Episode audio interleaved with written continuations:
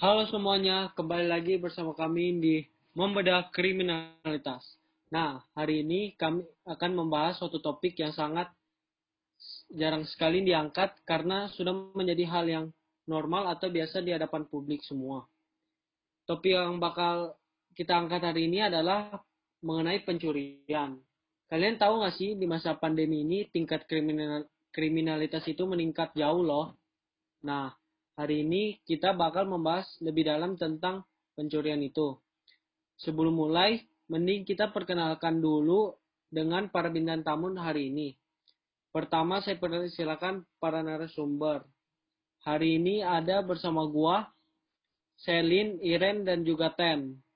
Hai, hai, hai. Hai. Nah, nan nah nanti Hai. mereka ini bakal ceritain ke ke kita semua pengalamannya pada saat ngalamin pencurian itu. Juga bersama kita hari ini ada Candice, seorang ahli sosiolog. Hai guys, gue Candice. Nice to meet you all. Jadi perkenalan singkat banget. Gue udah belajar sosiologi selama 15 tahun dan sekarang bekerja sebagai dosen sosiologi di Universitas Indonesia. Hari ini gue bakal bantu kalian menganalisa kejadian yang sudah dinormalisasi di kehidupan masyarakat melalui beberapa teori sosiologi. Wih, jadi nggak sabar nih bawain podcast hari ini. Oh iya, nggak lupa juga ada gua, Brian Gunawan, sebagai moderator hari ini. Oke, tanpa lama-lama, mari kita mulai. Selin, boleh ceritain nggak sih pengalaman yang lo alamin seputar pencurian gitu? Ya, kalau ngomongin kejadian mencuri tuh, gue pernah ada pengalaman sekali. Pas itu tas gue dicuri sama orang. Nah, pas itu kan gue lagi jalan sendirian di Gading. Terus kayak ngerasa gitu ada orang yang ngeliatin, terus ikutin dari belakang.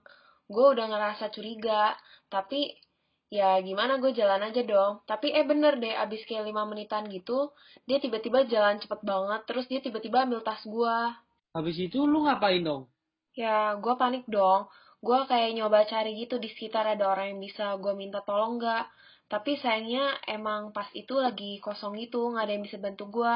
Ya udah deh, gue pasrah. Soalnya kan kalau gue mau nyoba kejar itu orang juga nggak mungkin karena pencurinya itu cepet banget.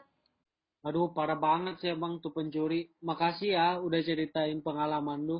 Coba nih sekarang gue mau tanya ke ahli sosiolog kita, Candice. Apakah di Indonesia ini uh, pencu pencurian kan masih banyak. Menurut uh, lu, kenapa sih masih banyak orang yang mencuri? Oke, jadi gue bakal tarik jauh banget nih ya untuk menjelaskan tindakan pencurian ini. Nah, dalam The Philosophy of Money, uh, George Simmel itu membahas tentang konsep uang yang bisa dibilang bersifat kontradiktif atau berlawanan. Nah, uang itu melambangin jarak antara subjek dan objek. Namun, di sisi lain, uang juga bisa menjadi jembatan antara jarak tersebut. Nah, jarak antara individu dengan objek itu biasa kita sebut dengan harga. Dan untuk melewatin jembatan itu, um, harus kita gunain namanya uang. Kesulitan untuk mendapatkan uang itu yang menjadi takaran nilai bagi suatu objek di mata individu. Hadirnya uang ini juga munculin dampak negatif terhadap manusia. Seperti teori dari George Simmel, uang ngubahin hubungan antara manusia dari personal jadi impersonal. Jadi manusia itu diubah menjadi makhluk yang perhitungan, and that's not a good thing. Jadi, segala sesuatu bisa diukur dari jumlah uang yang dimiliki oleh seorang pencipta nggak lagi ngatur objeknya, namun sebaliknya, karena uang mulai mengatur jalan hidup manusia. Maka beberapa individu bakal menghalalkan segala cara untuk mendapatkan uang tersebut.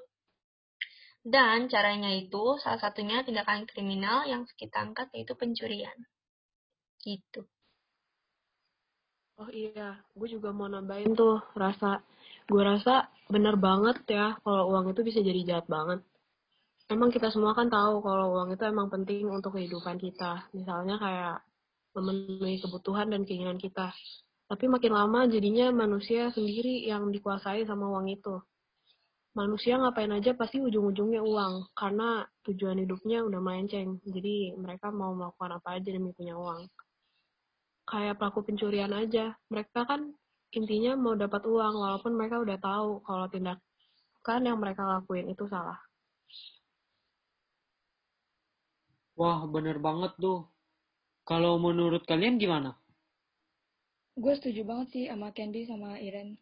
Berdasarkan pengalaman gue sendiri, gue kan juga udah pernah ngalamin tuh pencurian. Gue rasa sih karena mereka lagi ngalamin kesusahan secara finansial gitu. Terus mereka juga ngelakuin itu untuk dapat uang kan. Jadi kayak yang tadi Iren bilang, manusia ngapa-ngapain ujung-ujungnya juga uang lagi. Nah, tapi kesalahannya mereka itu mereka mendapatkan uang atau mencari uang dengan cara yang ilegal. Wah, dengar pengala dengar pengalaman-pengalaman kalian, gue dapat banyak banget pengetahuan baru nih di hari ini. Ternyata uang itu sudah sangat mengubah kehidupan manusia ya. Apalagi pencuri-pencuri ini ngelakuin dengan cara yang salah demi uang doang.